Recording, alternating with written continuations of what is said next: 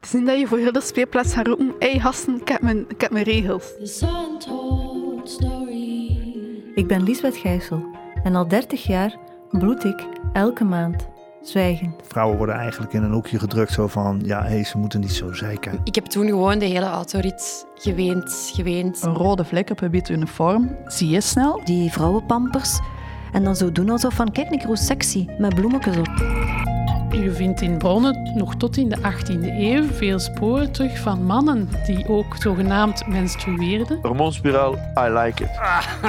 Eh, alsof er een tank over je buik heen ruikt. ja, ja, ja. Terwijl dat moeten ze niet proberen in de premenstruele fase, want dan ontplof ik. Dit is Ongesteld, een podcast van Radio 1 en EOS Wetenschap. Nou wordt het leuke radio.